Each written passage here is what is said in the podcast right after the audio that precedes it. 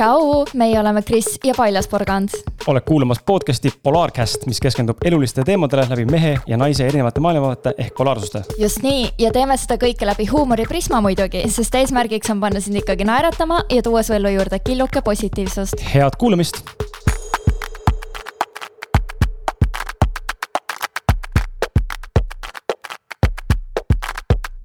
ilusat esmaspäeva kõik kallid Polarcasti kuulajad, kes te siia kogunenud olete, et kuulata järjekordset saadet.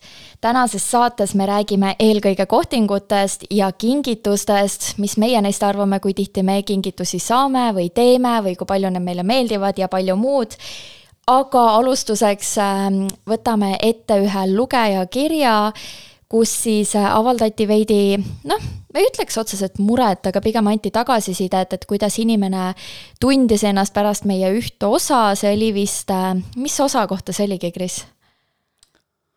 see oli see saade, kus sa rääkisid, et sulle ei meeldi naiste seelikud kui naine kannab seelikuid. ma ei mäleta, oot ma korra vaatan.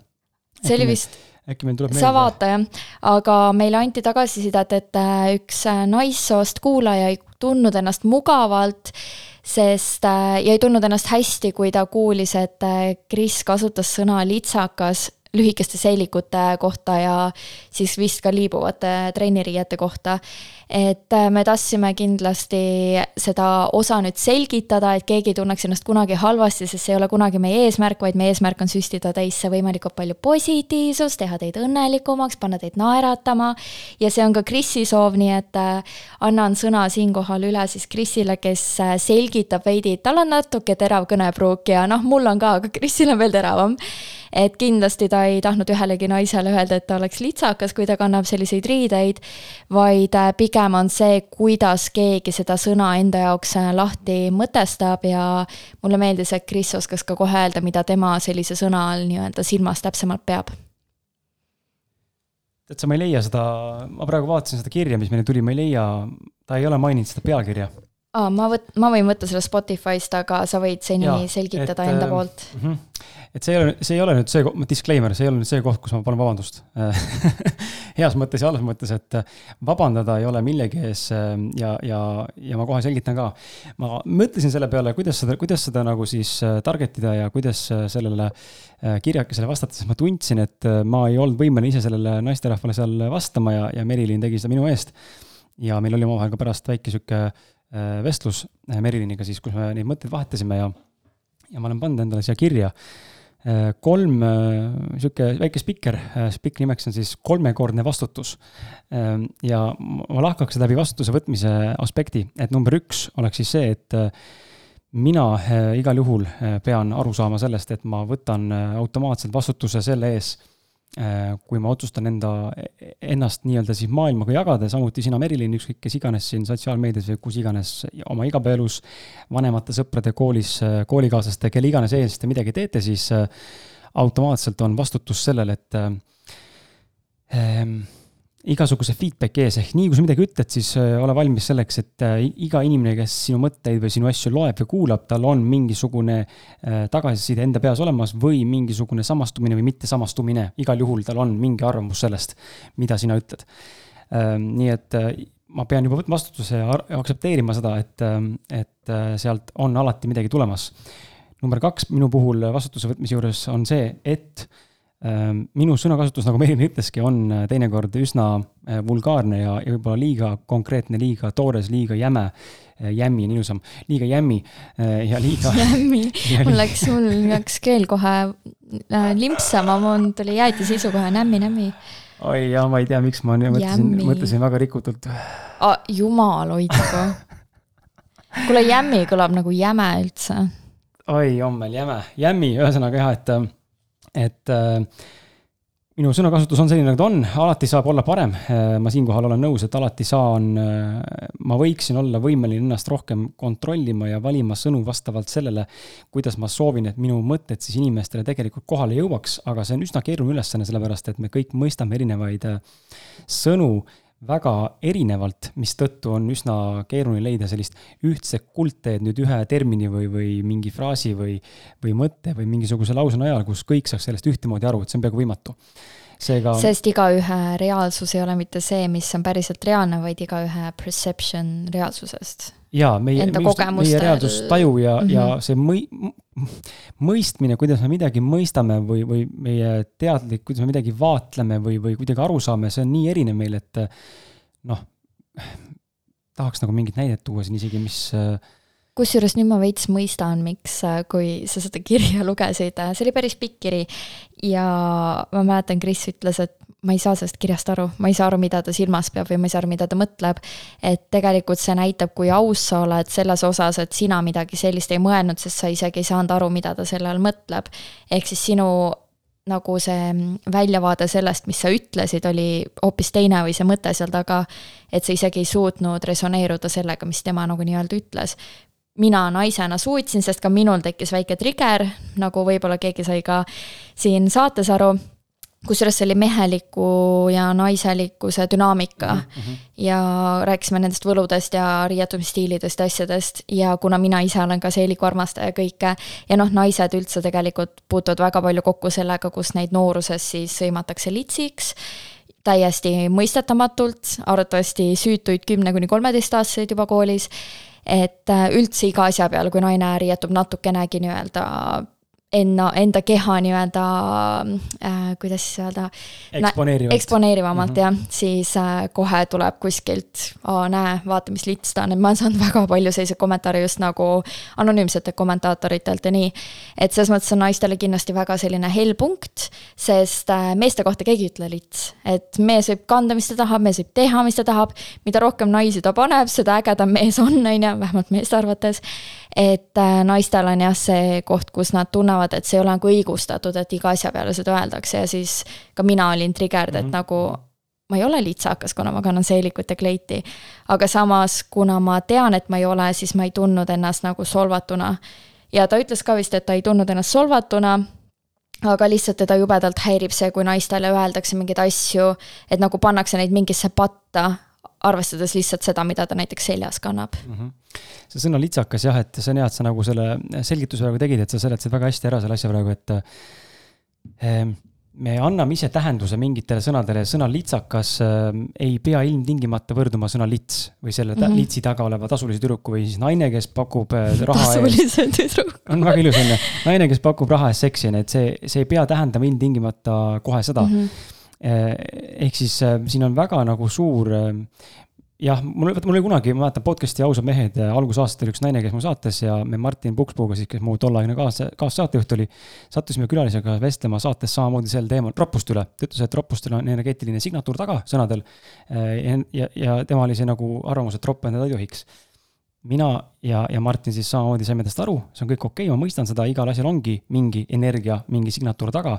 aga samal ajal on küsimus äh, me ise oleme selle kollektiivselt kokku leppinud, et sõna türa on halb. Äh, ma võiks kokku leppida täna, et sõna türa on edaspidi pudel. oota, kas sulle... me peame nüüd kaheksateist plussiks oma ei, no mitte panema? seda, aga lihtsalt ma toon nagu näite, et nagu ei, ma mõtlen, kas see on päriselt vajalik või mitte et lihtsalt nagu näide nagu selle koha pealt, et sõnad, tähendused, mis me mingile sõnale anname mm, -hmm. võivad teinekord olla väga erinevad mm. -hmm mistõttu sõna litsakas ei olnud, nagu siis ütlesidki, Merilin, ei olnud minu jaoks absoluutselt mitte kuidagi mõeldud negatiivse tooniga, vaid sellist üks see viis si kirjeldamaks, mida ma tahtsin nagu edasi anda. just, see sinu jaoks äh, ei olnud mitte litsakas as in inimene, kes pakub tasulisi ja. teenuseid või näiteks magab paljude inimestega, vaid riietumisstiil, mis on äh, eksponeeriv ja mm -hmm. näiteks lühike seelik, mis iganes, sest seal saabki võtta kahte asja, kas ta on nagu olemuselt, käitumiselt, sõnapruugilt, mis iganes, litsakas või töökoha olemuselt või siis nagu välimuselt ainult selles mõttes, et näiteks tal on dekoltee nähtav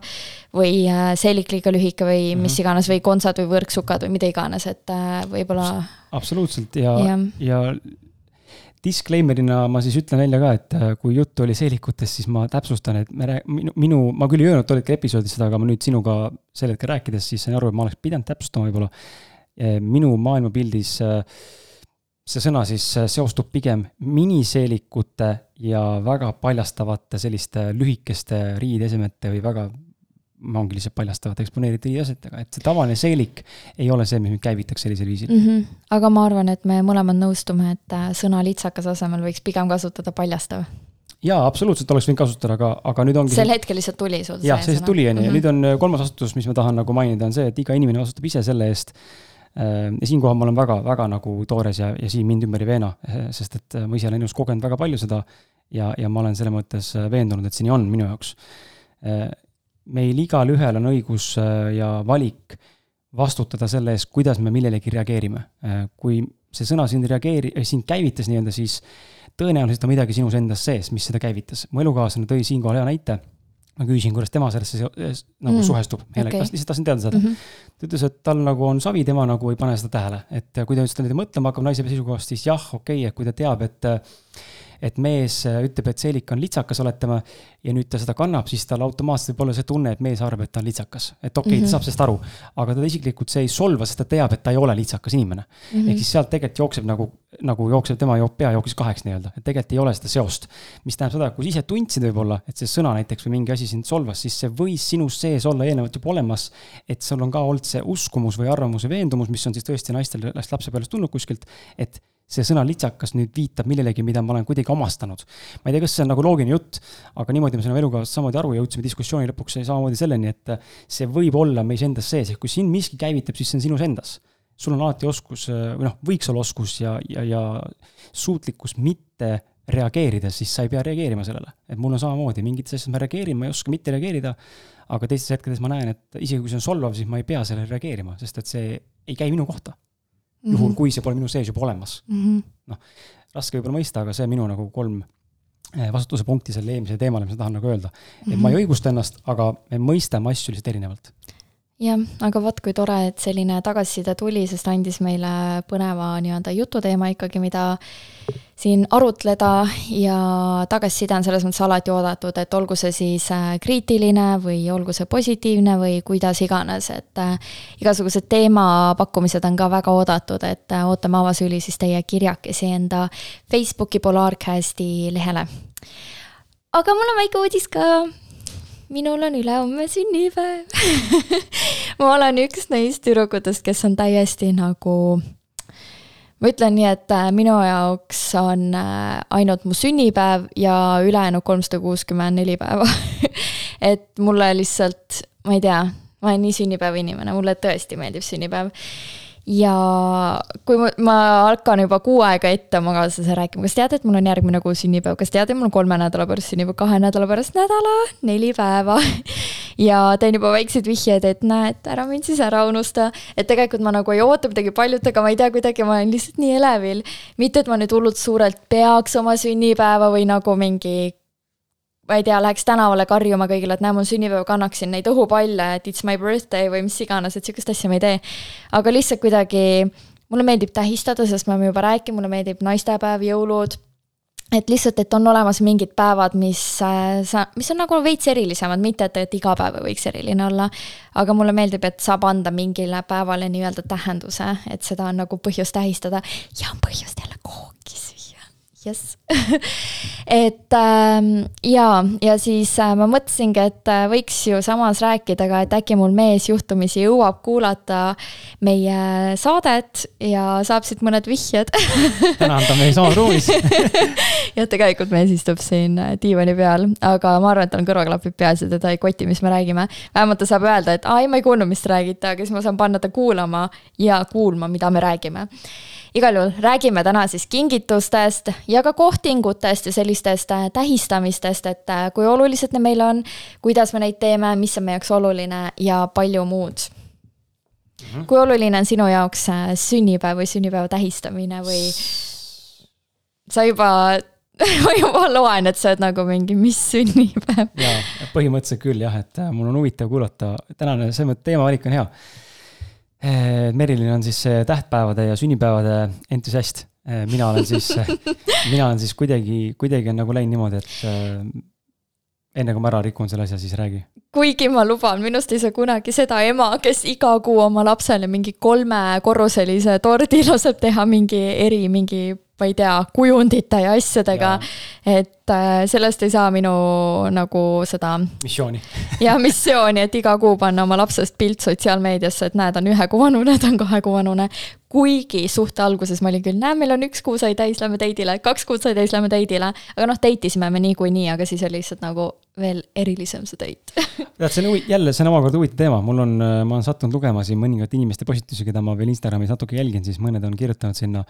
no visk-, vahepeal viskab ette, kui ma avan Instagrami nädalas korra, siis mul viskab ette need update'id nii-öelda story'd või update'id mingid feed'i, siis ma näen seal vahepeal lihtsalt, kuidas mõned inimesed jagavad, et noh, a la südamemärk ja siis kahesaja viiekümnes nädal.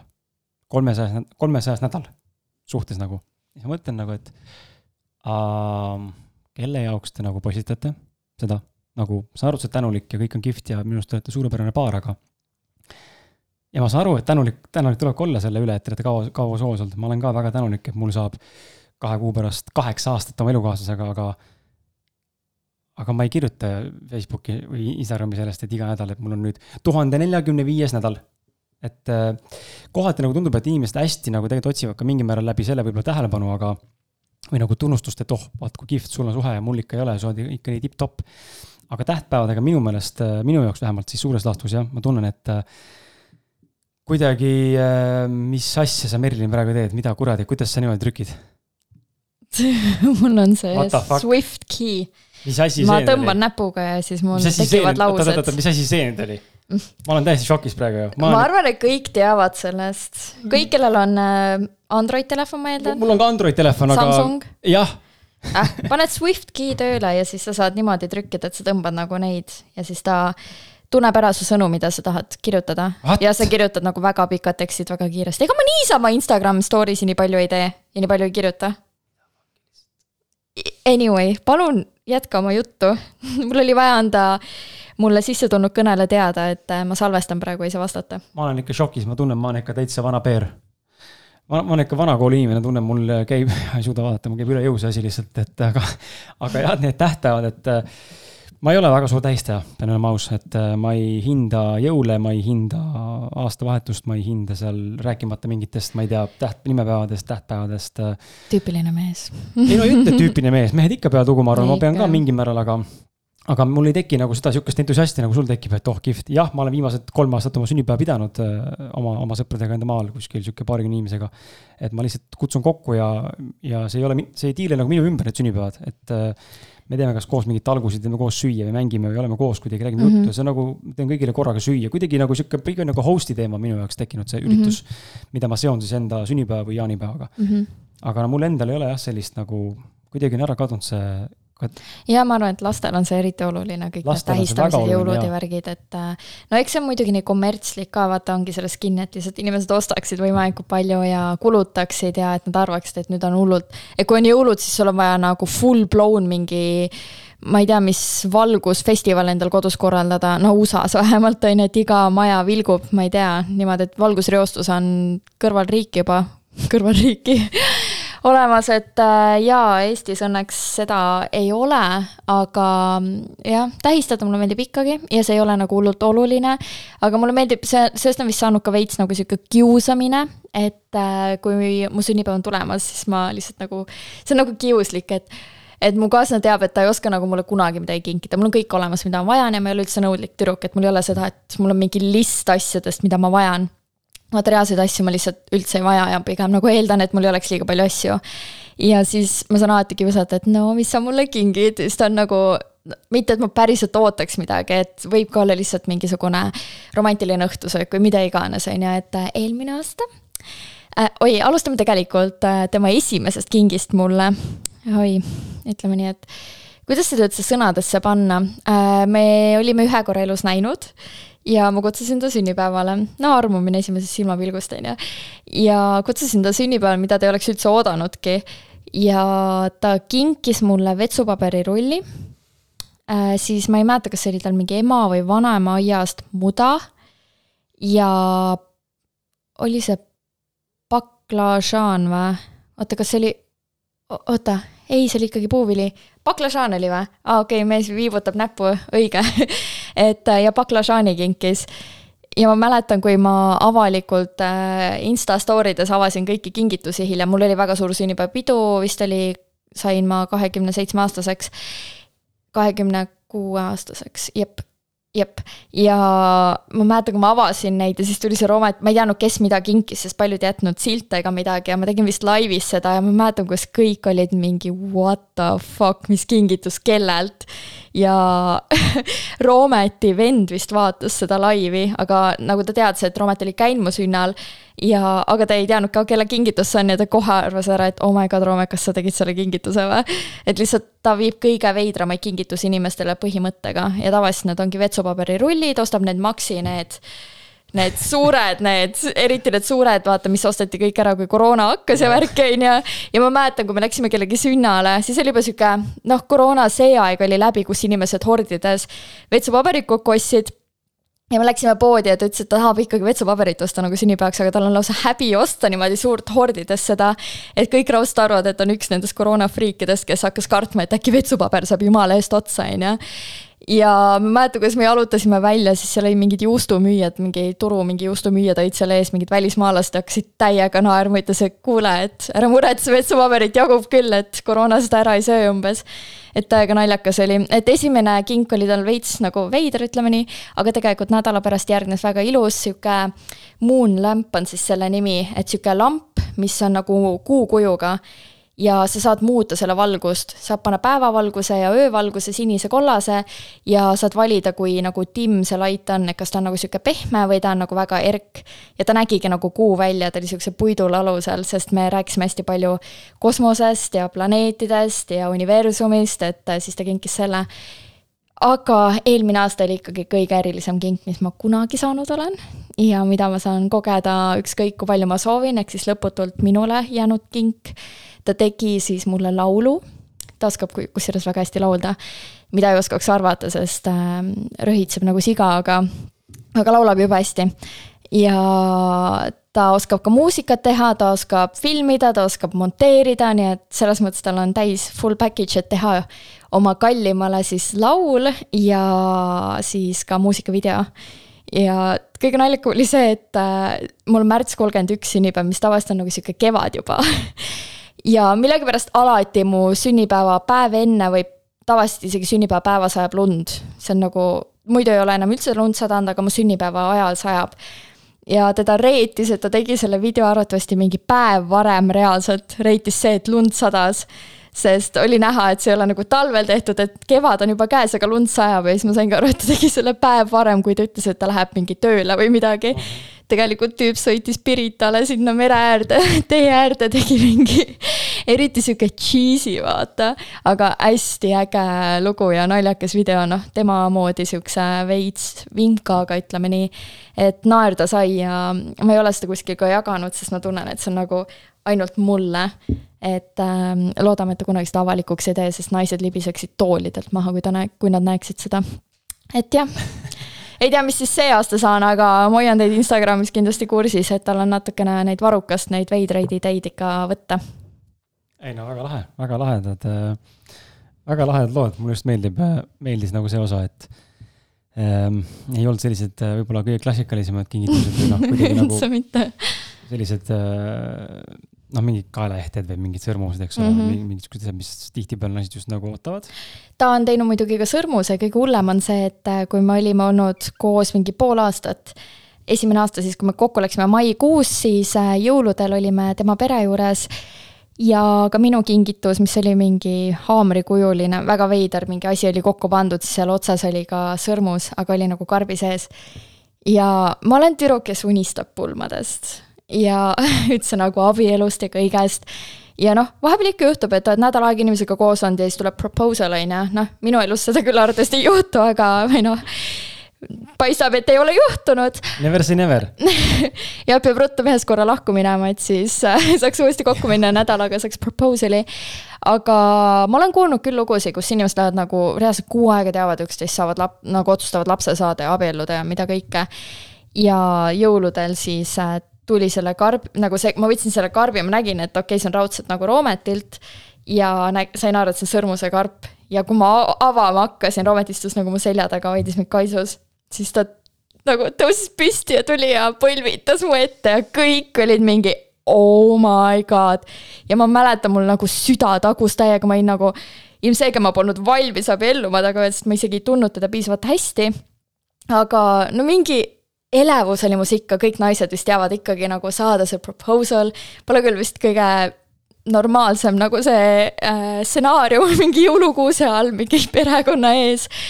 aga ma olin ikkagi mingi davai, tuleb ära, ma ütlen talle poole aasta pärast annan vastuse, aga tuleb ära. ja tegin lahti ja siis ütles, et ja sellega kaasneb üks küsimus. mis ta, oota, mis ta nüüd küsis mult? Roomet, mis sa küsisid mult? Aa, kuidas meeldib. ja kõik hakkasid naerma ja mina hakkasin nutma ja ma ütlesin, et see on kõige halvem nali, mida naisele ever teha, et ärge kunagi naisele tehke fake proposal'it. nagu ärge tehke sihukese asja üle nalja, sest ma mäletan, mu süda murdus. samas ma olin natuke nagu leeve, nagu relieved, aga aga jah. ometi olete ikka veel koos, nii et see ei mõjutanud väga. see sõrmus on ka veel alles, ma imestan et jah igal juhul, mis on sinu kingitused, mis sina oled oma naisele teinud Oi, sünnipäevaks jommel. või? kas sa nagu planeerid ette või kas, kas su naisel on nagu oluline mingi kingituse saamine? ja tegelikult ma tahan küsida ka mitte ainult nendeks mingi tähtpäevakingituste kohta mm, -hmm. vaid kui tihti sa ka nagu üllatad oma naist ja need ei pea olema üldse materiaalsed asjad, a la lillede too-, okei okay,, materiaalne a la muidu lillede toomine või näiteks mu mees tegi ideaalse üllatuse nüüd, kui oli mul, meil on kodus kapitaalremont käimas ja meil vahetati radikaid ja kõik kohad olid lihtsalt paksu tolmukihi all. ja ma pidin jooksma kodust ära, sest ma sain sõbraga kokku. Ja sõber tuli nagu külla ka, aga me läksime enne, käisime jalutamas pikalt, rääkisime juttu ja siis ta tuli korra külla, ma just ütlesin ukse taga, et oh my god, nagu ma ei kujuta ette, kus me üldse istuda saame, sest kõik on paksu tolmukihi all ja mul oli nagu sihuke dreadfulness, et ah oh,, ma ei taha isegi sisse astuda korterisse, see tolm ja rõve hais ja kõike ja astun sisse ja tuba oli lihtsalt nagu läikima löödud, kõik kohad olid puhtad ja nagu omal kohal ja sa ei kujuta ette, milline see enne oli lihtsalt. Ja siis ma olin jumala šokeeritud, ta mingi, millest sa räägid, nagu et no, ma oleks nagu see mhm. tüüpiline naine, et oh my god, ära tule külla, mu kodu on nii sassis, astud sisse mingi uh, what, kas sa oled viimane nädal aega koristanud või mis toimub ja nagu kõik oli lihtsalt nii ideaalne ja siis tuli veel koju ja tuli toiduga koju ja hakkas kokkama ja siis ma olin küll mingi, ma ei tea, kuskohast ma oma mehe olen saanud. et äh, ka sellised minu arust üllatused, nagu need ongi, lähevad kõige-kõige rohkem korda, kus on nagu inimene panustanud oma aega ja energiat ja võib-olla teinud midagi, mis talle nagu kõige meelepärasem isegi ei ole. jaa, täitsa nõus, et ähm, minu elukaaslane ja naine või siis mina ja üldse me, me mõlemad oleme hästi sellised mittemateriaalsete mm -hmm. kingituste nagu soovijad. ma ei mäleta, millal viimati mulle üldse midagi kinkis, sest mul ei ole midagi vaja ja me oleme kokku leppinud, et kui ma tahan, ma ostan ise ja kui ta väga tahab midagi teha, siis ta saab seda teha, aga ta ei ole vist midagi mulle viimaste aastate jooksul üldse kinkinud. sest mul ei ole soovi selleks. aga mõned korrad isegi vist on niimoodi olnud, ma praegu üritan mõelda, kus ma ei ole ka vist talle midagi kinkinud, sest reaalselt ei ole nagu ideid äh, ja tal ei ole üht, ühtegi nagu reaalset soovi ka. ja mul ei ole ideid ka nagu, ma ei hakka mingit, noh, ma olen see inimene, kes, ma ei näe mõtet kulutada puhtalt sellepärast, et ma nüüd pean tegema kingitused mm, -hmm, midagi oleks anda, kui ei ole vaja, noh, siis mis ma hakkan seal nagu eba, ebavajalikult. kingi äh, kinkekaart no, kõige no, kohutavam asi, mida saada kingituseks. kupong, vaata, soodustus kuskile, kakskümmend protsenti soodustus. e-Bay'sse et aga ei noh ja eks ma olen teinud äh, siin tähtpäevadeks äh, mingid puidust käevõrusid, kus on sisse kirjutatud mingid meie, meie suhte alguskuupäev näiteks või, või mingi asi, eks ole, on ju. ja siis elektrikatkestuse ajal läksid need kaminasse? jah ei läinud õnneks, aga, aga või no mingit kaelakette ei ole teinud, aga sõrmusel on teinud kaks tükki. üks on mingi sihuke huvitav puidust, kus on, äkki sa oled näinud ka kunagi Instas hästi popp teema vist. mitte noh mm., promoti sellise, ma ei mäleta, mis nimi oli praegu, mingi ühesõnaga ei mäleta, aga, aga mingi mere, merevaigu mingisugune läbipaistev sees mm. on mingisugused valgused, mingid teemad ja mingi sihuke nagu väike sisemaailm on nagu pandud sõrmu sisse mm.. mingi sihuke teema, hästi-hästi ilusad, teistsugused, et ma üritan otsida alati sellist äh, natuke nagu milleks, millele oleks nagu mingi tähendus mm, -hmm. noh, mhm. niisama lampi ma ei viitsi kinkida midagi ja ta ei oska, ta, ta ei ka hindab rohkem asju, kui see on tulnud äh, midagi, mis nagu on tema mm -hmm. moodi, tema on nagu lähemal või kuidagi tema nagu vajalik, a la kingin talle, ma ei tea, kimchi, kimchi on siis need mini, mini, miniapelsinide puu, on ju näiteks mingi tähtpäeva puhul toon suure siukse puu. kas sa kindel, et see nimi on kimchi Kim,? Kimchi on minu arust jah, see, mis kimchi on, on muidu ju see hapendatud äh,. ah, sorry, mitte kimchi, vaid ja, ja K-tähega midagi on ühesõnaga, mul tuleb meelde siuksed ovaalsed äh, pisikesed siuksed äh, viinamarjast tiba suuremad mm. -hmm, oranžid on ju. süüakse koorega. jaa, need on ülihead. et selle puu mingi aeg kinkisin ja, ja siis äh, siukseid asju nagu rohkem teha, et kuna ta on sihuke looduse, looduslähedane inimene ja hindab rohkem sellist äh, ma ei teagi, sentimentaal, sentimentaalseid kingitusi, siis jah, siukseid mingite graveeringute asjadega või mingi pildi all ma näiteks teen talle meist mingi kaheaastase. ma olen ka seda teinud, need on nii ägedad. see on nagu nii lahe teha kumkvaat oli see. ah, kumkvaat jah, et ähm, ja, ja noh, siis. aga ei, kimchi'd on ka tore, tore kinkida Neid on ka tore kinkida, purgis on ju, et aga. väike lipsuke peale. aga ainus materiaalne kink vist praegu mõtlen, ongi olnud vist viimane kord oligi telefon äh, naistepäevaks. lihtsalt nägin mm., et tal oli ekraan täitsa sodiks juba ja nagu ei töötanud, siis mm. ma lihtsalt ostsin uue telefoni ja ma olen ka täiega selle poolt, et nagu kui sa näed, et kuskilt nagu kaaslane vajabki midagi, on ju, et võib-olla ta juba ise ka otsib, et siis nagu see asi kinkida. aga ka näiteks, kui on mingi eriti suur ost, näiteks läpakas või telefon, on ju, sa pead ikkagi teadma, kas ta eelistab nüüd Androidi või ta eelistab mingit iPhone'i või mida ta eelistab ja mitte lihtsalt, et aa, ma teen talle mingi kalli kingituse ja pärast kaaslane on mingi fuck, et nagu see on asi, mis jääb mulle kümneks aastaks või mis iganes ajaks. et oleks tore olnud, kui sa oleks natukenegi küsinud või uurinud tausta, on ju et minu kaaslane on minimalist, nii et äh, võite arvata, et ma, noh, ma võin talle muidugi neid HM-i särke juurde kinkida, aga tal on kakskümmend paari neid, tal on neid pükse, mis talle meeldib, mitu paari. sokid on kõik ühtemoodi, et nagu ta ei taha ka asju endale, et talle meeldib, mida vähem tal on asju ja mida nii-öelda pikemaajaliseks talle ei meeldi nagu lühikese otstarbega asjad. et kui ta midagi ostab, see peab olema nagu parim variant üldse ja ta paneb sinna. minimaalselt ja, ja ta paneb sinna võimalikult palju nagu ka aega sellesse mm, taustauuringusse ja kõike aga õnneks oli see, et me läksime näiteks välja kohtingule ja jäime paduvihma alla ja tema oli oma mingi kilejopega ja mina olin siis äh, Tiidriksoni uue nagu selle noh, sihuke vihmajope või nii, mantel. ja nii äge, et ta ongi täiesti veekindel, nagu kõik piisad jäid peale, tema arvumed sai nagu läbi märjaks. ja siis äh, ma nägin kohe, et okei okay,, see oleks midagi ägedat, mida kinkida, et tal on nagu vihmakindel ja uus jope, sest ta jope oli nii läbi kantud ka juba. et nagu leidagi mingeid selliseid mm -hmm. asju või siis näiteks rahakott on juba läbi kantud või näiteks ei mahuta piisavalt asju sisse või mida iganes. et Aga ma see... püüan alati leida ka neid praktilisi kin-, kinke, sest kinke mulle ikkagi meeldib teha. Aga see eeldab, vaata, sinu näide eeldab ka seda, et sa oled partneri osas tähelepanelik ja teistpidi te, teil on kommunikatsioon mm. -hmm ma ei kujuta ette, kui ma kingiksin talle mingi rohelise või sinise asja ja siis ma kujutan ette, et ta oleks mingi oh my god, nii armas, aitäh sulle, aga. aga ma panen e-Bay'sse nüüd müüki. ja, ja, aga see jääb küll kuskile kapinurka või mis iganes, on ju, vennale.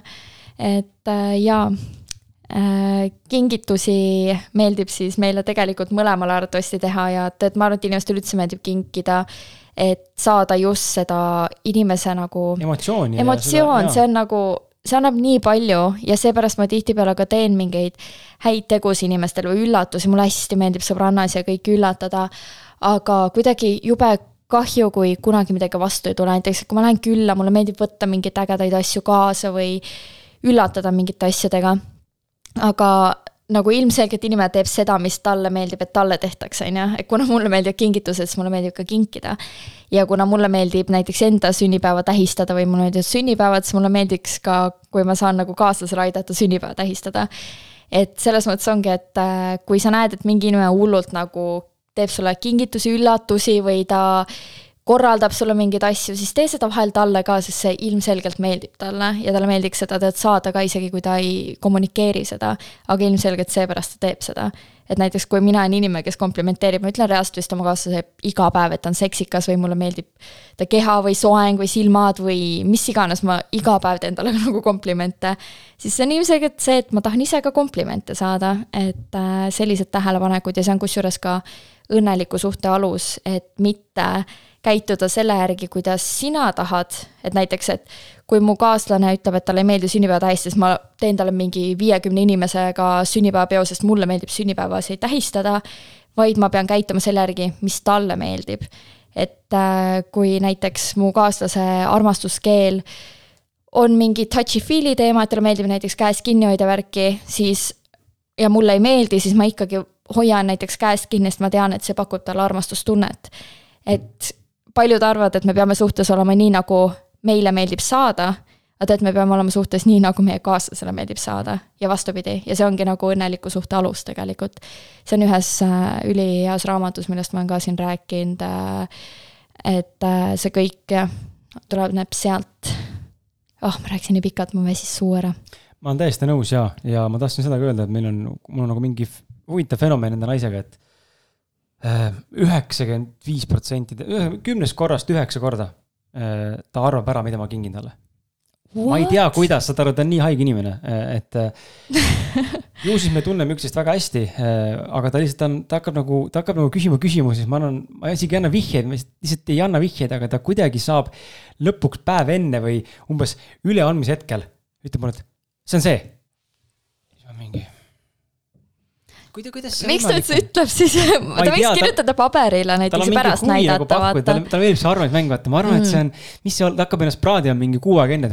aga kas sa siis ütled näiteks, et ma olen sulle mingi asja ostnud? jaa, no ma ütlen välja, et no nii, naine. seda ei tohi ma teha, nagu ma lähen hulluks, ma ei saa magada, ma reaalselt näen unes, kuidas ma saan erinevaid kingitusi või mis asja, mulle ei meeldi teadmatus nagu ei, seda ei tohi naistele öelda, et mingi ma ostsin sulle midagi või mul on sulle kahe kuu pärast üks teadaanne ja siis naine lihtsalt nagu põleb, põleb ära. täitsa arusaadav, ma teen mõnikord niimoodi ka, ma tulen koju, ütlen, et näed, et siin on üks asi käes ja ma panen selle siia kappi, vaata, et palun ära vaata, see on su kingitus.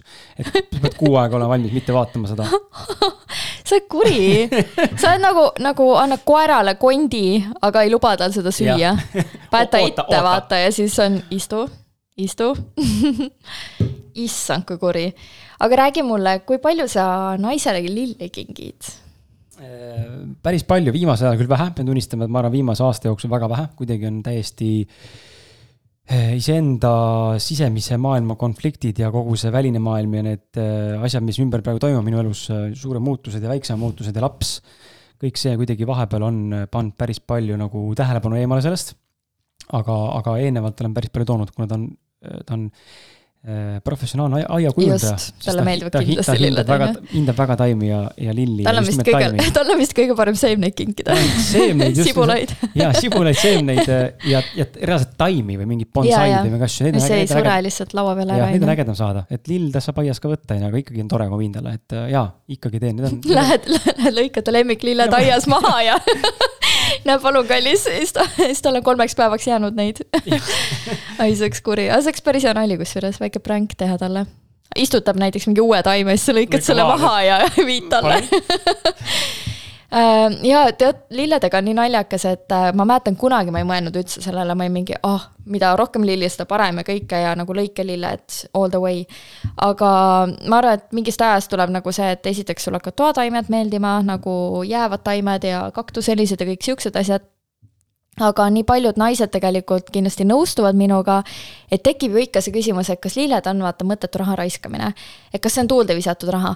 muidugi sa saad selle emotsiooni kätte, see üllatus, see on kõik, see juba on väärt kõike seda nagu raha, mis sinna taha pandi, aga noh, ütleme nii, et arvatavasti lilled ei ole tänasel päeval enam väga odavad, kuna kõik sõbrannad ja sünnipäevad on ära jäänud, siis ma pole vist mingi kaks aastat juba lilli ostnud, on ju.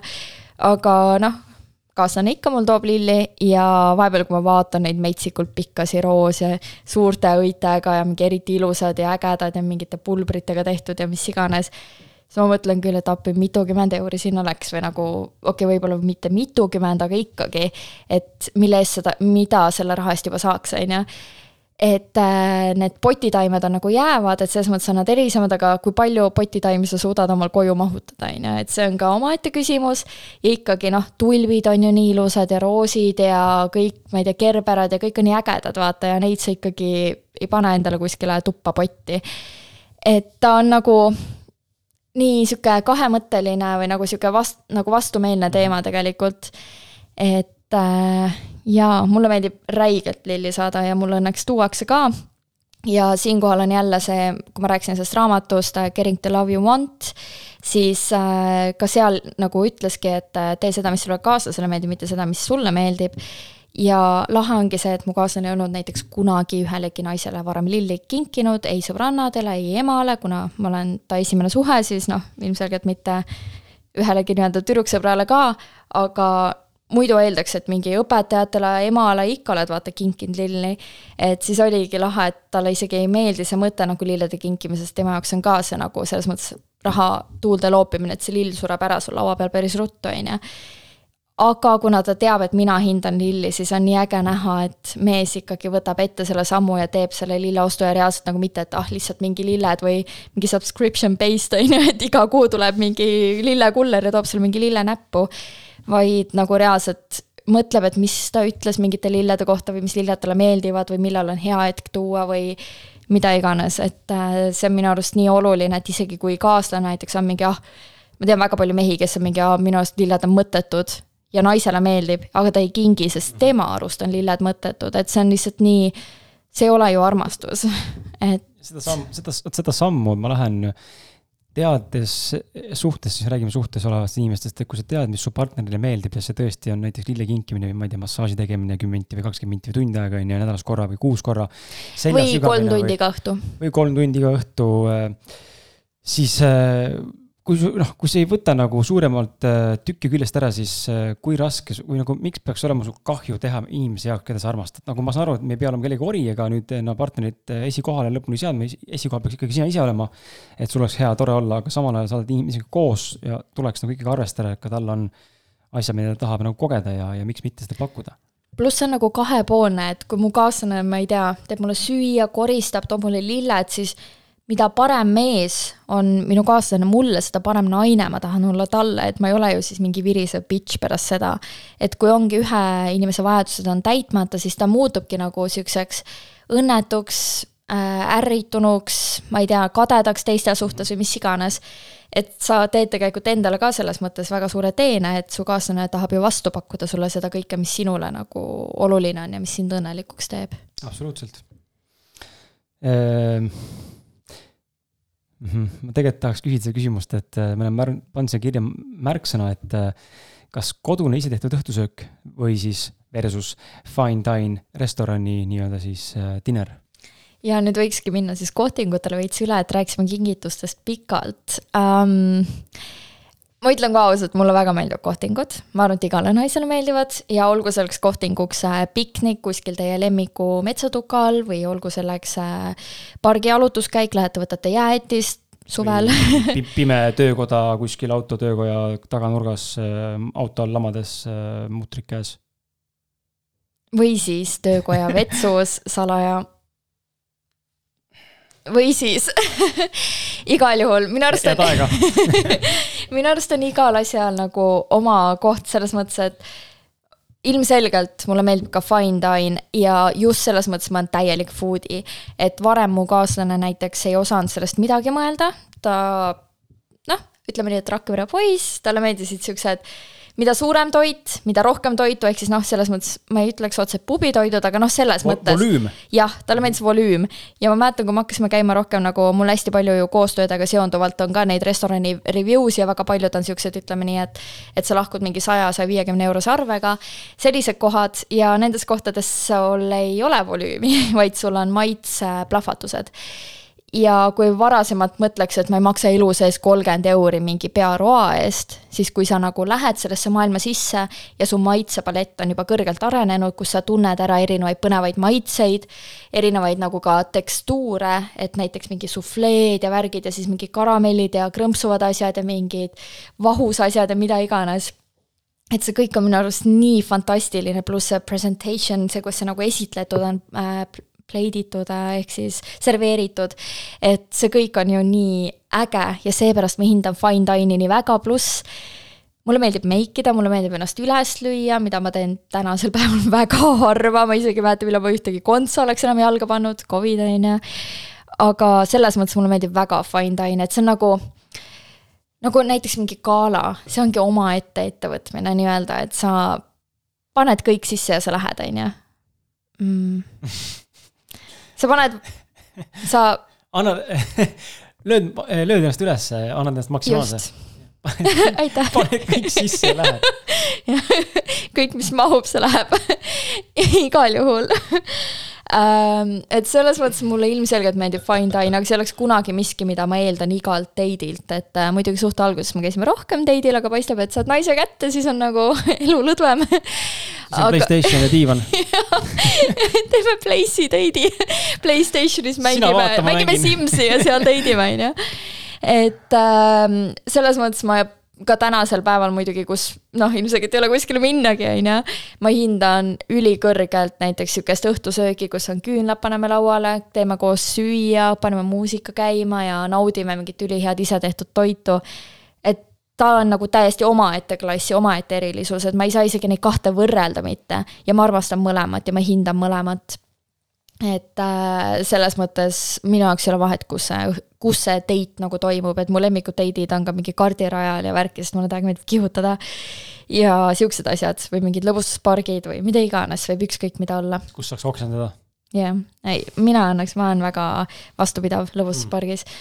aga ma pean ütlema, et näiteks spaad näiteks ei ole mu lemmikud, et äh, me ei ole kunagi niimoodi nüüd spaasse läinud, et lähme nüüd spaasse date'ile, et spa kohti on küll olnud, aga tavaliselt pigem mingi koostöö nagu asjus, et me siuksed spa inimesed õnneks ei ole vist, sest need on väga kallid, ma olen aru saanud mm. -hmm. et äh, isegi sadadesse eurodesse jäävad, kui sa tahad nädalavahetust spaas võtta, nagu hotelli ööbimisega. -hmm et mulle piisab pigem sihukesest kodusest, mingisugusest romantilisest date'ist. kodusest äh, dušinurgast? jah, see on meie spa ei, meil duši pole, meil on kraanikauss ei tea, et meil on dušš olemas, igaks juhuks mainin. see on, dušši pole, see on kraanikauss ja kraanikauss on vaata sellest dušinurgast niimoodi eemal, et äh, üks on dušinurgas, siis teine paneb kraani jooksma, siis käega vaata vastu seda toru, vaata siis pritsib sealt see surve, vaata. käe alt niimoodi oh nagu, nagu purss ka on, lased nagu ämblik lased vett niimoodi teisele peale, siis teine saab pesta ennast. mulle meeldib, kui detailseks sa selle praegu läbi mõtlesid jah. tead, ma ei ole ka spa inimene, ma pole kordagi oma naisega kaheksa aasta jooksul spaas käinud kaheksa aasta jooksul või? meid ei huvita lihtsalt, meid, meid lihtsalt, meid lihtsalt ei huvita see, meid absoluutselt tõmbab. või kardate jalaseent või? ei, ei. ma varasemalt enne seda suhet ikkagi käisin, noh, kas siis.... aa, teiste naistega käisid jaa, ei no kui näiteks a la sõbrannaga või kellegagi sebisid või, või eelmises suhtes, siis ka temaga käisin, aga. kurat, sebides on jube hea kohe spaasse viia, siis saad Muidugi, nagu. näed kõik figuurid ära, onju, okei okay,, cancel, where's the exit, where's exit Next please Next please, jah. et aga, aga selles mõttes temaga ei ole käinud, meil on mõlemal ühine nagu mm, maitse, eelistus on see õige sõna, mitte maitse, eelistused meil, meile lihtsalt, lihtsalt. meil ka kusjuures nii naljakas, kõik asjad, mida meile meeldib teha või ei meeldi teha, on ühine, nagu mm -hmm. kõik. ma ei tea, see on lihtsalt juhtunud nii. aga noh, massaaži saamas meile meeldib väga käia, nagu massaaži me armastame, nii et see, see küll nagu kuulub tihtipeale vaata spa osasse, on ju. et seda me käime küll saamas.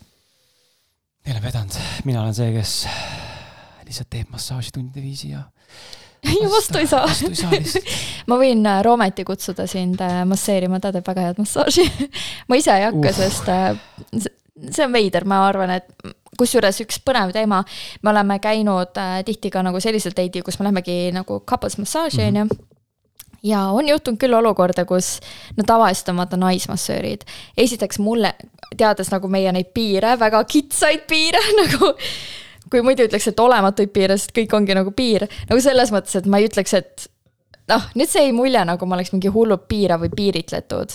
aga pigem on see, et mulle lihtsalt endale ei meeldi, kui mingi võõras mees mind mhm. mudib, on ju, et ma olen ühe korra elus jah, kusjuures nüüd äh, pool aastat tagasi sattusin massaaži ja mulle ei öeldud, et mees tuleb ja ma olingi mingi, et palun ärge minge põlvedest ülespoole ja ärge masseerige mu käsi, et mu nagu käsi varsi võite.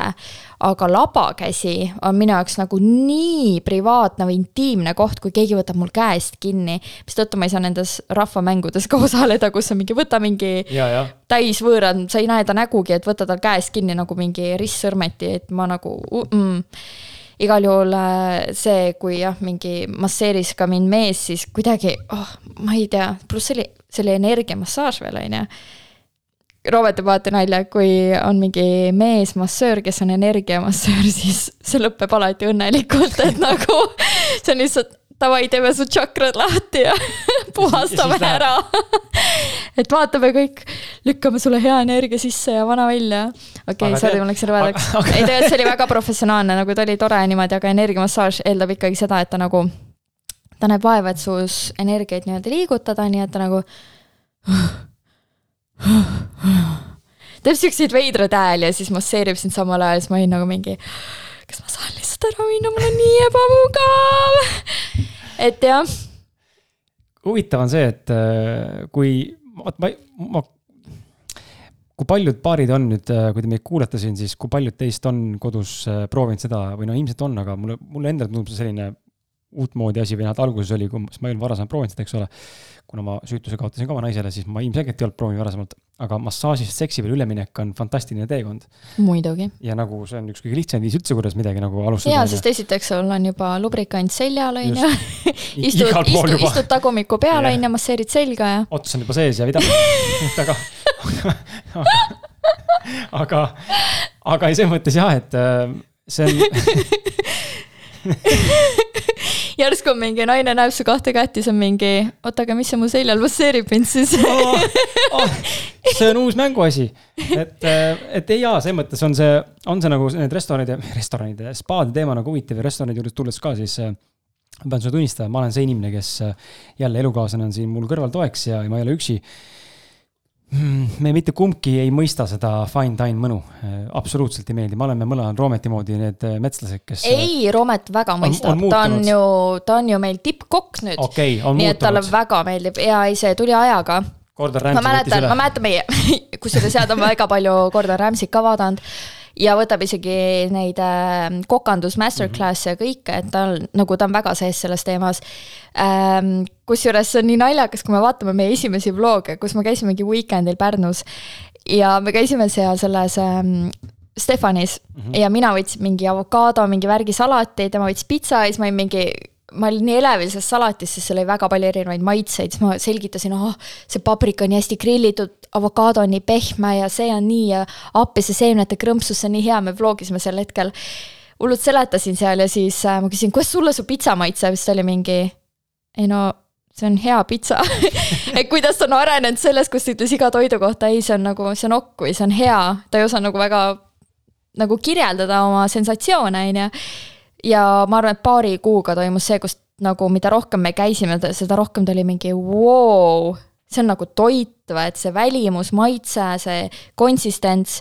Ja, ja tänasel päeval on see, et me läheme restorani. Mina, mind on kutsutud review'd tegema, ma võtan oma söödiku muidugi alati kaasa, kes nagu puhastab kõik taldrikud ära. ja mi-, näiteks küsitakse, kuidas maitses, ma ütlen mingi jaa, väga hea, see näiteks oli väga põnev ja mis iganes ja oleks võinud olla võib-olla natukene vähem seda või rohkem seda ja kõik, on ju. siis ta mingi ja ma pean nüüd kommenteerima veel seda ja siis tuleb sihuke nagu, sihuke tekst, et isegi, ma ei tea, isegi mul on suu kinni, mul on nagu äkki aga hakkad ise review sid tegema, äkki hakkad ise kommenteerima, et nagu tüüp kommenteerib rohkem kui mina. et näha on, et tas on ka see kirg nii suur, aga minus on see võib-olla lihtsalt nii pikalt olnud ja tema jaoks on kindlasti väga palju uusi ja põnevaid maitseid. et äh, mul on ju kaks tuhat kolmteist, kui ma hakkasin kõige selle kokandusega tegelema, peaaegu kümme aastat möödas, on ju. no nagu abielu, et lõpuks noh, sa oled ilus kah, käid kah, noh, on ju et ja, tegelikult mul jäi enne ju rääkimata, ma tahtsin sellest massaaži asjast rääkida, et ähm, tihtipeale ongi see, et on kaks naist nagu alati, miks ei võiks olla nii, et mees masseerib meest ja naine naist, et no pole hullu, vahet ei ole, on ju. jah, see on imelik, mulle ei meeldi. kui mind peaks mees masseerima, siis see on kahtlane. on või? no kurat ei sobi. ma olen korra saanud kunagi noorena massaaži mehelt ja mulle üldse ei meeldinud seda mm,. kuhu kohta no eks ikka sinna anusesse oh, What aga ei, no ei meeldi noh, et äh, kuidagi, kuidagi täitsa off noh, ei sobi. nii huvitav. Okei okay,, nii huvitav, aga ja näiteks ongi vaata, kui see on vaata eriti see, et sa lähed nagu selle couples nagu massaaži ja see on nagu it's all about you on ju, esiteks meile meeldib nagu sel hetkel vaadata üksteist ja näha, kuidas me saame massaaži, et ma nagu, mul eriti kui sa käid tai massaažis, seda on väga põnev näha, kuidas su selga ronitakse ja ragistatakse ja nagu naljakas näha, kuidas kaaslane piinleb, vaata.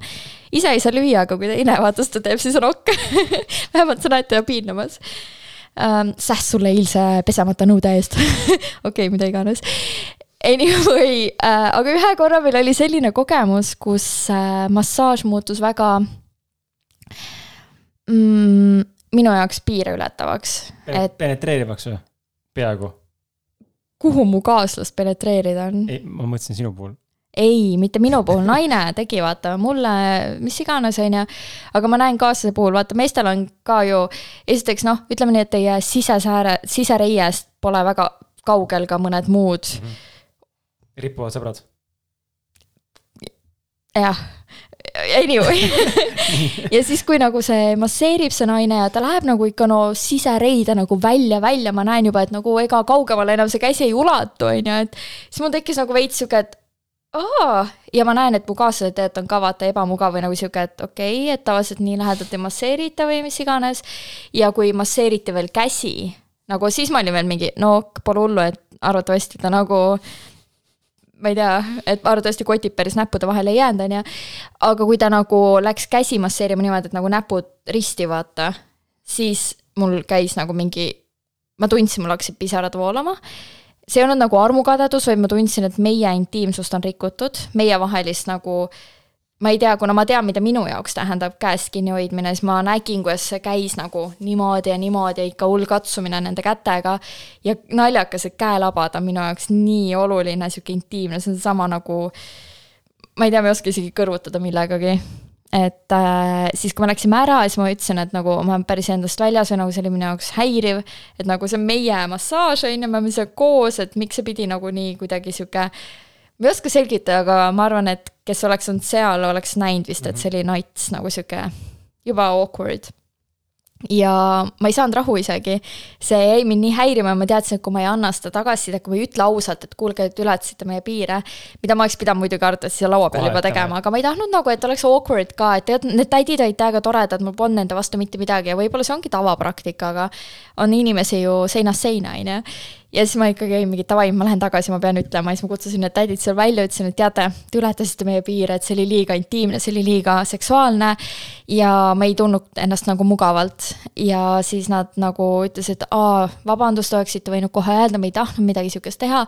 ja ma saingi südames rahu, nagu lihtsalt see, et nad üt-, nagu ma sain, et nad tunnustasid minu tundeid, vaata, mis on tegelikult ülioluline, et inimesed ei neelaks alla oma valu või tundeid, vaid nad kommunikeeriksid neid, see ei tähenda, et sa pead kellegi peale hüppama või ründama, vaid lihtsalt, et sa ütled, et teate, ma tundsin niimoodi, kui juhtus see, ja sa saadki näiteks vastuse, et ma ei tea, me ei mõelnud nii või see ongi tavapraktika või mida iganes, on ju.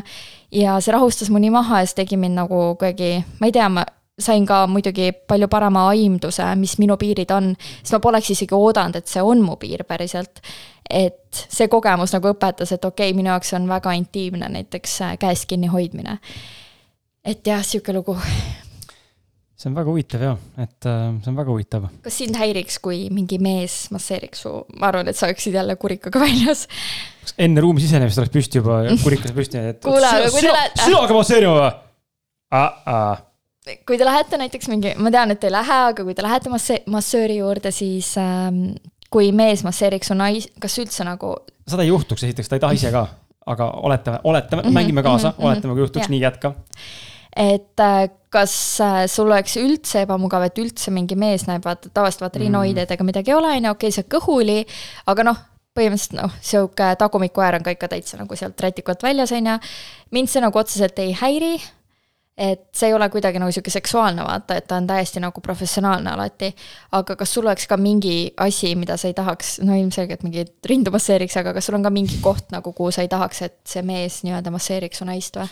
no jaa, see pigem see rei-, tagareie piirkond ja need sisereied nagu kuskil. sest need on väga ju närvilõpp, neid on seal räigelt palju jaa, ja need on, on nagu. jaa, just, et nagu sealt nagu ei no ja, ja, ja ka, ja ka mingi näiteks ähm, no ka, ka kanni selles mõttes alaselja alaselja üleosa ja kannika pealne osa siis noh, see, see on ka juba see kusjuures kannika pealseid äh, mõned masseerivad, mõned mitte ja minu arust see kord oli ka, et tõmmati nagu kannikas välja ja mul kaaslasel vist masseeriti nagu seda kannika, seda noh, tuharelihast on vaata mm -hmm. hästi suured tegelikult, on ju, neid külgi ja siis ma olin ka mingi no kuule ma olen siin. et mulle see ka, see, see juba nagu see, et nagu sorry, aga ma teen, las ma teen kodus ise seda siis, et mm -hmm. nagu see ei mhm. ole see koht, kus peaks masseerima aga kindlasti on olemas paare, kes lausa oma kaaslastele nagu neid äh, erootilisi massaaže no, kingivad ja et see on nagu, see on väga hull. kusjuures ma tahtsin sult küsida juba kuu aega tagasi, sa tegid ju intervjuu Ausad mehed podcast'is selle, issand, ütle nüüd nimi, ma just nägin ta raamatut täna jälle, sa kutsusid vaata mind kaasa.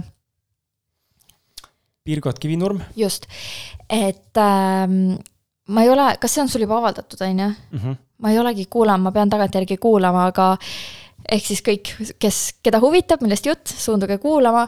aga ma mäletan, et äh, kui ma valmistusin selleks ette, siis seal tuli välja, et äh, ta tegi seda äh, tantramassaaži vist äh, oma kaaslasega käisid vaata saamas mingi grupi, ma lugesin ta raamatust seda. seda lõiku ma ei näinudki ma ei luge-. aa, seal oli igal juhul kirjas, et äh, tema, et nagu nad saaksid äh, tervendada oma seksuaalset mm -hmm. suhet, siis äh, tema mehel lõi mingi naine lahti ja mingi mees siis ah, ähm, okay, viis teda nagu orgasmini. ja ta ütles, et see oli üks nagu mingeid tugevamaid orgasme, mis iganes. ja et ta oli täiega tänulik selle eest ja ta, mees vist isegi nägi seda pea, nad nägid vist seda mm -hmm. kõike pealt ka või mingi sihuke teema oli. ma väga täpselt ei mäleta, sest see oli noh, mina ja mu mälu ja see oli juba mingi kuu või kaks kuu tagasi, tagasi.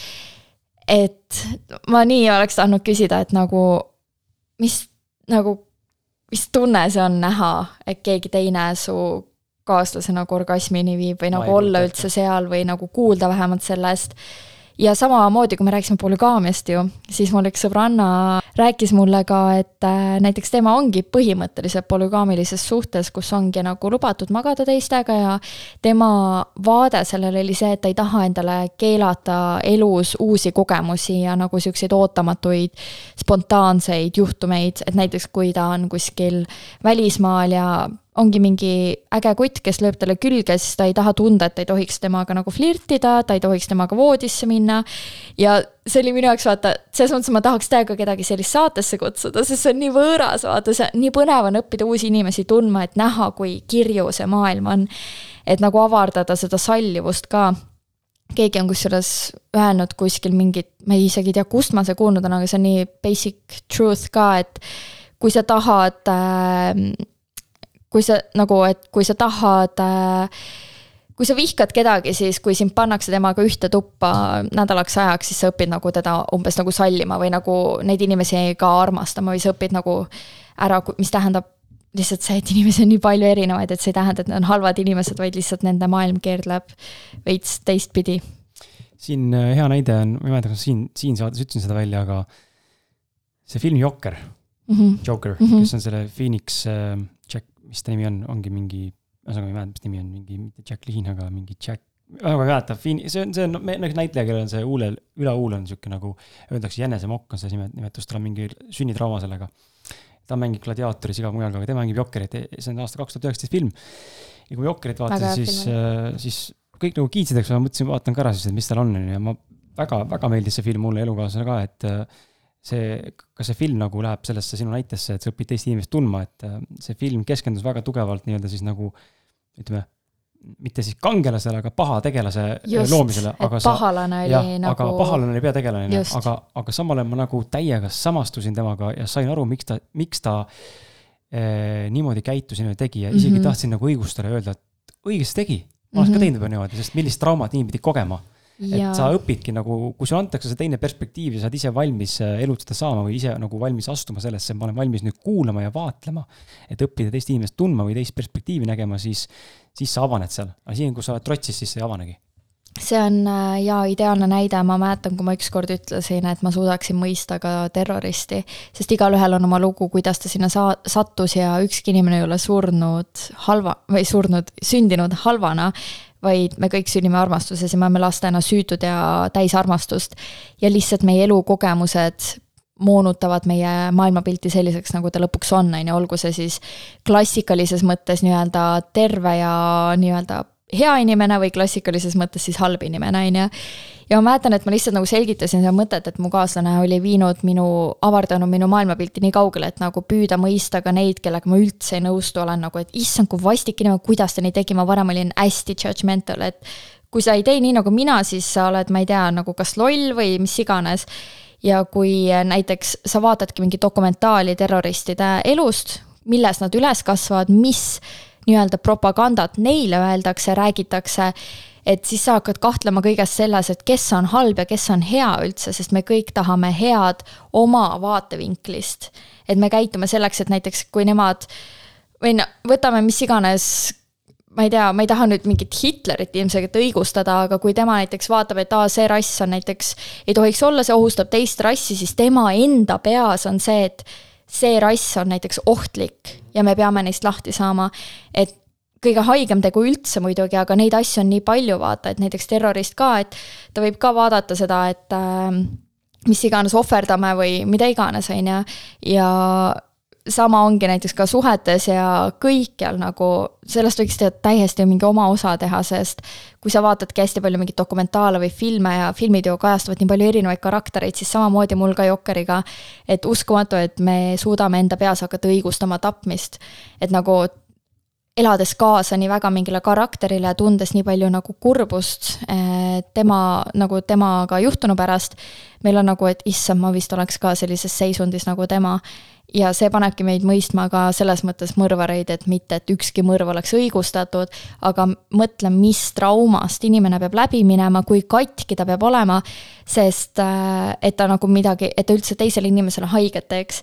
ja sama me näeme tegelikult ka meedias, kui me vaatame, kuidas lihtsalt bash itakse teatud inimesi või nagu paljude inimeste elusid rikutakse ju ära ka mingi koolikiusamisega või mis iganes, on ju enamik on lihtsalt, et aa, et see on vale, see ei tohiks nii olla, aga mõtle, kui katki on see väike laps, kes suudab teist last mõnitada põhimõtteliselt enesetapuni välja. et, et me peaks hakkama sealt pihta, et miks tema on kasvanud sellisena üles. et see on nii deep teema ja tegelikult ongi lihtsalt see, et me kõik olemegi nii erinevad ja keegi ei ole nüüd nagu selles mõttes halvem või parem. et äh, need on lihtsalt need teod, aga inimene ise arvatavasti tahame loota, on nagu enda südames tegutseb õigesti või hästi, on ju. aga lihtsalt teod on nagu nii-öelda mitte kõige paremad, et sinna seda asja saavutada. jep, täiesti nõus, täiesti nõus. kus me vahepeal pooleli jäime? appi, me läksime nii teemast kõrvale, me ju rääkisime üldse siin kingitustest ja date idest ja mida iganes oh, aga kuidas teil kohtingutega on? no lapse kõrvalt on täna natuke keerulisem. issand, kui kahju, saad sa aru, et ah oh,, sorry, nagu ütlen ausalt lihtsalt, et äh, muidu on vaata see, et näiteks kui sa jälgid sotsiaalmeedias kedagi lapsega ja siis sa näed kogu aeg neid toredaid hetki, oled mingi, kuule, võtaks isegi ühe, et lähme ostame poest või ühe lapse.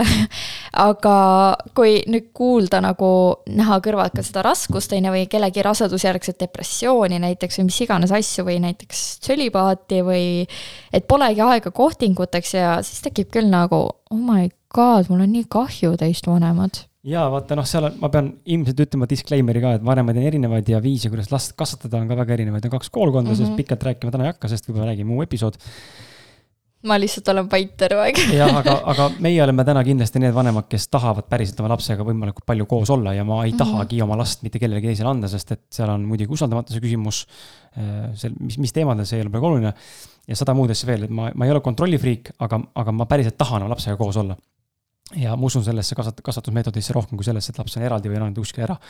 et meie aeg, meie kohtingud on siis, kui laps läheb magama, üheksast hakkab pihta ja, ja nädalas korra võib-olla seal paar tundi oleme ja kui on ikkagi tööd vaja teha või mingid asjad jooksevad peale, omad kohustused, omad valikud, siis äh, lihtsalt neid kohtinguid nii-öelda ei ole, aga kohtingul reaalselt date'il käinud. viimati oli vist äh, Portugalis, Lissabonis või, kolm aastat tagasi peaaegu. Oh my god, oh my god nii kahju. et see on üks asi lapse kasvatuse juures, küll ma näen lapsevanemaks olemise juures, et see oma aeg, jälle sõltub, mis valiku sa teed, aga ma arvan, et kõik mingis mahus on kõik lapsevanemad nõus sellega, et see oma aeg väheneb nagu noh, drastiliselt. et seda, seda fookust on päris raske hoida suhtel teinekord, sest et noh, väga raske ennast jagada, aga selles mõttes on see huvitav väljakutse. ma isegi ei kujuta ette, mis peaks panema mind lõpuks tahtma last saada, kui oma aeg väheneb, ma olen nii minu aeg vaata inimene, et mul peab see piiramatu vabadus olema selles mõttes. oh, päris, päris karm, aga kui sa mõtled siis nendele kohtingutele, mis sul kunagi on olnud, äh, mis on sinu kõige nagu erilisem kohting, ma ei tea, kas siis sinu tehtud või naise tehtud, nagu nii-öelda algatatud ähm,, kõige erilisem või ilusam või kas või mis on kõige rohkem läbi kukkunud või mis iganes on kõige meeldejäävam? esimene kohting, Veekullinas elasime kunagi enne Austraaliasse minekut, me olime paar nädalat koos olnud, siis siis äh, no me kolisime kokku ju pärast nädalast suhetist äh,.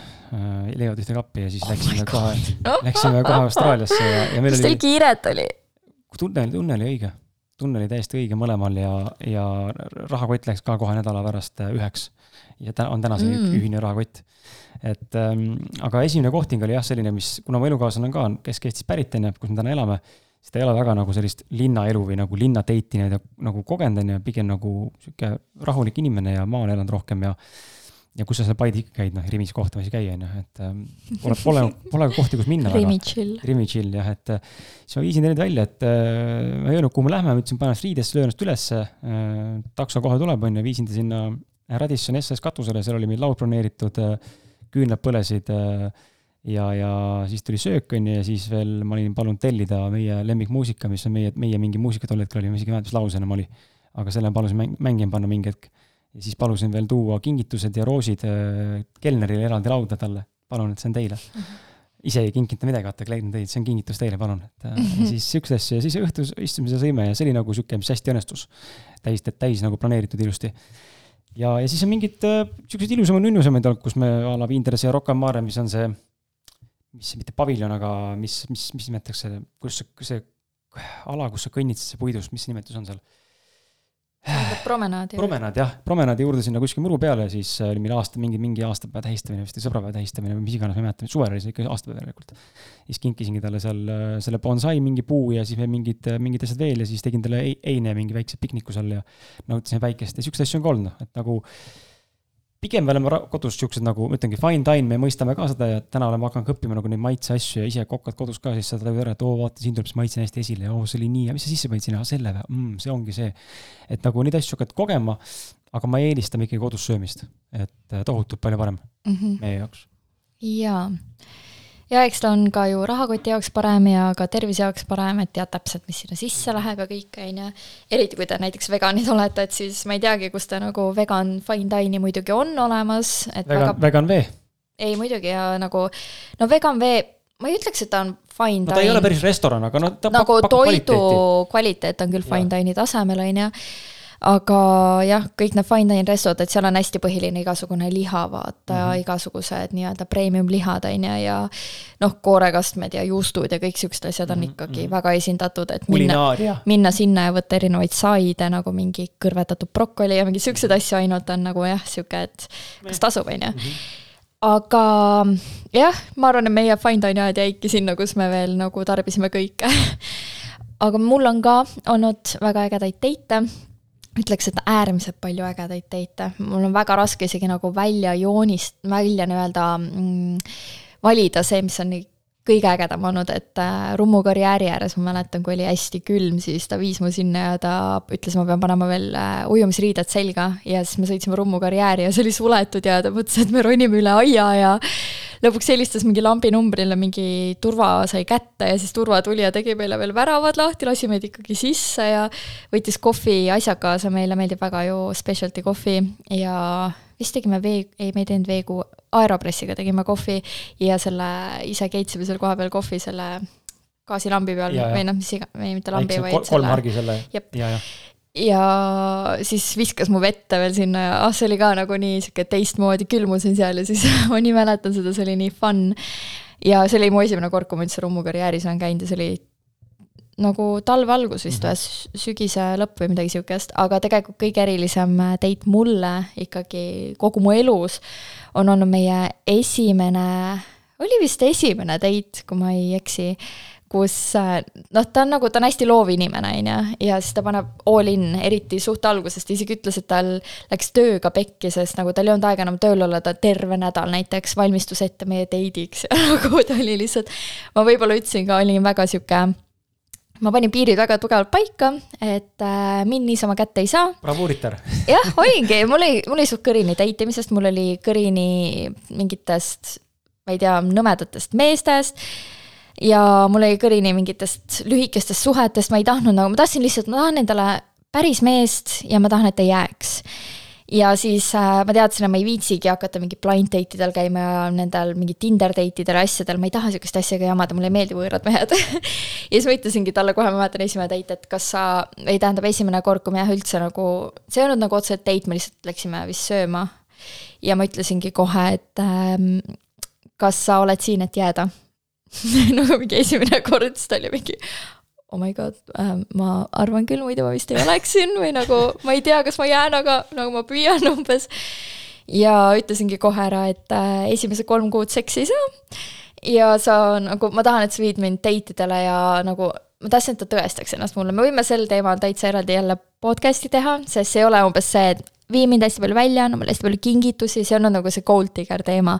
vaid see lihtsalt see, kui mees tegelikult investeerib susse aega, nagu oma loomingulisust, kõiksugu panust, ka rahalist panust, siis see päriselt näitab tegelikult, kas mees on sinusse investeeritud või mitte. kui sa oled nagu nii kättesaadav, et helistavad, kuule, et mul on siin kaks tundi vaba aega, et viitsid väiksele söömale tulla või mis iganes või võtab su kodust peale, et viia enda poole ja nagu voodisse, et nagu mi-, tal pole midagi kaotada pärast seda ja selle nimi on kusjuures ghosting, mida mehed väga palju teevad, et räägivad mehele maa, naistel on maad ja ilmad kokku ja naine annab kohe kätte. nagu ongi kohe olemas ja iga kord, et davai, ma tulen ja teen kõike ja mis sa soovid, on ju. ja siis lihtsalt lampi kaob ära, ma tean väga palju selliseid juhtumeid ka oma sõbrannade pealt ja see on kurb. Ja siis jah, panin need piirid paika ja siis esimene nagu official date, millele ta mind kutsus, oli niimoodi, et ma mäletan, tal mingi, oli vist must Audi ka, millega ta tuli ja nagu ta mängis nagu selleks limusiin olnud. Ja ta tegi sellest niimoodi limusiini, et ta isegi kutsus oma venna Tallinnasse autojuhiks. Ja siis ta teab, et mulle meeldivad kombutšad ja mingid tervisejoogid, siis ta oli sinna autosse võtnud kombutšad ja värgid ja ta isegi tõmbas mingi rätiku või voodilina või midagi nagu selle juhi ette, vaata, et nagu limusiin ja siis tal olid need ühekordsed need ähm, või noh, need, need, need äh, jah, pokaalid, mitte ühekordsed, selles mõttes, no ikka mingi need, pehme klaas või noh, sihuke plastmass ikkagi, aga nagu nägi sihuke klaas välja, mingid pokaalid ja valas mulle kombutšat ja küsis, kas ma tahan seda mahelimonaadi või tahan ma kombutšat ja ja see oli lihtsalt nii naljakas. Ja siis sõidutab meid ringi ja siis sõitsime kuskile Piritale ja viis mind sinna tuljakusse ja sellest ongi saanud meie sihuke, kuna see oli meie esimene sihuke date date, siis sellest on saanud koht, kus me, nende menüü muidugi ei muutu ka kunagi ja nüüd vegan ja gluteenivaba dieedil või noh, noh, püüdes süüa ikkagi taimset ja gluteenivabalt, siis nagu ei ole seal meil väga midagi enam süüa. et siis me käime ikkagi nagu iga aasta seal, kui terrass avatakse, käime nautimas päikeseloojangut, see on kõige ilusam koht päikeseloojangu jaoks. igal juhul seal ta tegi ka veel, ma nii kõige täpsemalt ei räägi, sest see on suht sihuke meie personal stuff, aga seal tegi ka väga nunnu üllatuse ja näha on, et ta pani päriselt nagu väga palju, ta nagu päriselt paneb tähele, mis ma olen talle rääkinud või öelnud. ja siis äh, jaa äh,, see oli nagu, aa ja siis, kui ma veel jõudsin, kas see oli siis, kui ma jõudsin tagasi sealt või, aa ei, ta kohe autos andis äh,, andis ta mulle nii-öelda lillekimbu, teab, et mulle meeldib lillekad, see on vist kõige esimene lillekimp, mis ma talt sain oli, äh, kuna ta teab, et mulle meeldib hästi palju nagu taimselt toituda ja nagu väga palju värsket ja rohelist süüa, et mul oli jah, et see mingi koriander on mu lemmik ja basiilik ja kõik, on ju, siis äh, tal oli, kas see jah, roosid olid vist jah, punased roosid ja siis ümber oli pandud äh, nagu maitsetaim, maitseroheliste nagu need pakendid, need Grünfee mm -hmm. omad, vaata olid sinna ümber pandud ja ma alguses reaalselt arvasin, et see on nagu lillekimp, ma ei saanud isegi aru no., ah. et need maitsetaimed olid nii hästi ära pakitud. ta ütles ka veel, et ta ostis need kuskilt, ma ei tea, kuskilt poest ostis, siis läks sinna lillemüüja juurde, ütles, et nii, palun pakkige need niimoodi ära, et tehke nagu lillekimp sellest.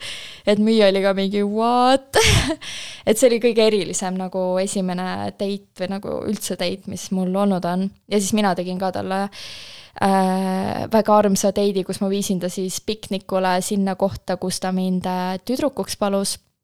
Samasse kohta ja siis grillisime nagu kaasaskantava grilliga äh, taimset äh, grilli ja mingeid köögivilju ja värke ja mingeid salateid ja särke-värke ja siis äh, filmisin kõik selle üles ka ja mina tüdrukuna ei teadnud isegi, mis sütt on vaja või mis vahendeid on selleks vaja, nii me pidime mitu poepeatust tegema, ta käis minuga äh, need silmaklapid peas kaasas ja ei, päris fun oli et äh, jah. päris ägedad lood. jaa, tead, neid on hästi palju, meil on olnud väga, väga ägedaid date'e nagu jah, meile meeldib selles mõttes date ida, et hoida nagu seda kirge vaata mm -hmm. üleval on meie jaoks hästi oluline. et ei ole ainult rollimängud voodis, vaid minu, minu jaoks on selles mõttes kohtingud ka. et jah, mõni kohting arvatavasti läheb kallimaks, kui tahaks, on ju, aga minu jaoks ei ole tuulde visatud raha, sest see on nagu mälestus mm. -hmm et äh, ka reisimine seepärast meeldib ju nii väga, et ka need on põhimõtteliselt nagu kohtingud, te lähetegi kahekesti, te olete kogu aeg vaata koos, vaba aeg ja nauditegi sööki-jooki, uusi elamusi, uusi kohti ja kõike, et äh, minu jaoks on äh, reisid nagu seitsmepäevane kohting järgmine tase on siis see, kuidas minna kohtingu koos lapsega, niimoodi, et laps on kaasas, aga samal ajal te olete kohtingul. jaa, ma ei tea, kas see on teostatav, kui vana on. sul laps on kak-? saab kaks pool mm. -hmm. ma arvan, et ta on teostatav. noh, siis anna meile teada. aga ma arvan, et tõmbame otsad kokku. Räägitud on nii palju, et suu kuivab, ma arvan, et ma rääkisin liiga palju olin nii elevil, ma juba, ma elasin reaalselt läbi neid kõiki vanu kohtinguid, see on kõige ägedam mälestuste juures see, et nad ei kao kunagi kuhugi. iga kord, kui sa neist räägid või neile mõtled, siis sa koged, ma kujutan ette, mul on endorfiinid praegu laes, sest ma tunnen seda, ma olen nii õnnelik praegu, et ma kogesin kõike seda uuesti, ma isegi tundsin natuke lillelõhna ja siis tundsin samas oma kaaslase seda krooksuhaisu, mis ta teeb alati, kui ta ei, see oli see oli aga jah, olge tublid ja näeme teid juba järgmine nädal. ja, tšau, pakaa. tšau.